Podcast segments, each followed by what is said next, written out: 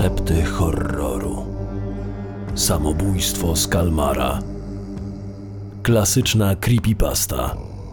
Występuje Tomasz Osica. Byłem na stażu w Nickelodeon Studios w roku 2005. Miało mi to zapewnić dyplom z animacji.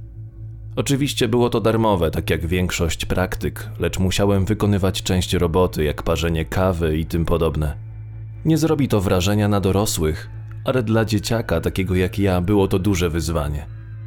Od czasu, kiedy pracowałem bezpośrednio z redaktorami i animatorami, miałem dostęp do najnowszych odcinków jeszcze przed emisją. Studio wypuściło niedawno film o SpongeBobie i było trochę wyczyszczone z pomysłów, dlatego też produkcja sezonu się opóźniała. Jednakże serię opóźniał też pewien problem z pierwszym odcinkiem. Ja i dwóch innych stażystów siedzieliśmy w pokoju wraz z animatorami i dźwiękowcami. Przygotowywali ostatnie kadry i kiedy skończyli, otrzymaliśmy kasetę, która miała być odcinkiem Kraboburgerofobia. Skupiliśmy się wokół ekranu. Jako, że nie była to wersja ostateczna, animatorzy umieszczali w niej wiele lubieżnych dowcipów, jak tytuł How Sex Doesn't Work zamiast Luli Luli Małżyku, gdzie SpongeBob i Patryk adoptują morską muszelkę.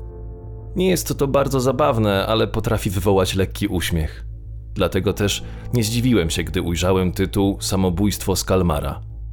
Wesoła muzyczka zaczęła grać jak normalnie i zaczęło się. W pierwszym ujęciu Skalmar ćwiczy gry na klarnecie, wydając z niego kilka fałszywych dźwięków. Słyszymy głos SpongeBoba z za ekranu i Skalmar przestaje grać. Zaczyna wrzeszczeć na SpongeBoba, że musi ćwiczyć na swój wieczorny koncert. Bob odpowiada OK i idzie do Sandy z Patrykiem. Wtedy pojawia się przejście w postaci bąbelków, a w następnej scenie możemy ujrzeć Skalmara grającego na koncercie. Wtedy to zaczynają się dziwne rzeczy. Niektóre klatki wydają się powtarzać, lecz dźwięk gra bez zarzutu. Na tym etapie dźwięk jest synchronizowany z obrazem, więc nie zdarza się to często. Po zakończeniu gry rozlega się charakterystyczne bu. Nie jest to jednak standardowe bu, gdyż można w nim dosłyszeć żywą złośliwość. Kamera zaczyna pokazywać SpongeBoba w pierwszym rzędzie, który co do niego niepodobne również wyraża dezaprobatę.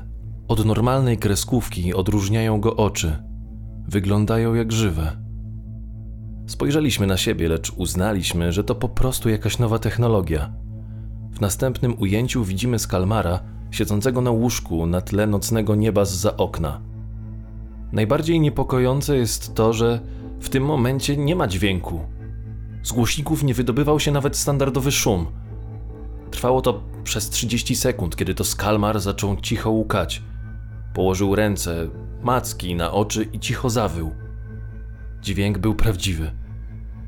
Ekran zaczął powoli przybliżać się do jego twarzy. Było to bardzo powoli, różnicę można było zauważyć dopiero między dziesiątą sekundą. Szloch staje się coraz głośniejszy, z coraz większą dozą gniewu i bólu. Następnie ekran drga lekko, a potem wraca do normalności. Płacz staje się coraz głośniejszy i dosadniejszy, jakby nie wydobywał się z głośników, tylko Skalmar stał wraz z nami w pokoju. Nie istnieje jeszcze sprzęt, który mógłby emitować takiej jakości dźwięk. Następnie szloch trochę ucichł. Przerodził się jakby w śmiech. W tle było słychać dziwny, niezidentyfikowany dźwięk. Po 30 sekundach tego ekran drgnął gwałtownie i coś błysnęło. Jeden z animatorów przewinął akcję i ukazał się nam obraz martwego dziecka. Nie miało połowy ciała i oczu. W tle widać było odbicie fotografa. Nie wyglądało to na zdjęcie policyjne. Wydawało się, że to ów fotograf zabił to dziecko. Zlękliśmy się, lecz wciąż mieliśmy nadzieję, że to jakiś chory żart. Po ponownym włączeniu Skalmar wciąż trzymał swe macki na oczach, z których zaczęła lecieć krew. Wyglądało to bardzo prawdziwie. Jego płacz stawał się coraz donośniejszy, zmieszał się ze skowytem. Wtedy ponownie ujrzeliśmy zdjęcie. Podobne, ale innego dziecka. Trwało to około pięciu sekund. Od tego momentu zdjęcia pokazywały się coraz częściej i dłużej, a ciała na nich przedstawione były coraz bardziej makabryczne. Płacz zmieszał się ze śmiechem i był nazbyt prawdziwy. Po około minucie wszystko ustało. Ujrzeliśmy Skalmara, stojącego face i usłyszeliśmy donośny głos. Zrób to. Skalmar powoli przystawia sobie pistolet do skroni i strzela. Krew oraz organy rozbryzgują się po całym ekranie, a w tle słychać owy przerażający śmiech. Ostatnie pięć sekund filmu wypełnione było widokiem zwłok Skalmara. Cała sprawa została zgłoszona prezesowi. Domagał się odpowiedzi na to, co się stało.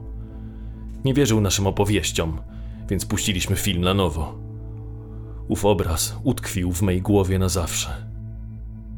Śledztwo wykazało, że pliku nie modyfikował nikt z pracowników, a utworzony został około 20 sekund przed naszym seansem.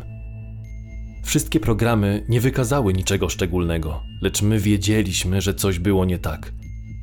Prowadzono też śledztwo w sprawie tych zdjęć, lecz nie zostały wysnute żadne wnioski. Żadne dziecko nie zostało na nim zidentyfikowane, ani nie udało się ustalić tożsamości fotografa. Nigdy wcześniej nie wierzyłem w zjawiska tego typu, lecz od tego momentu podchodzę inaczej do takich spraw.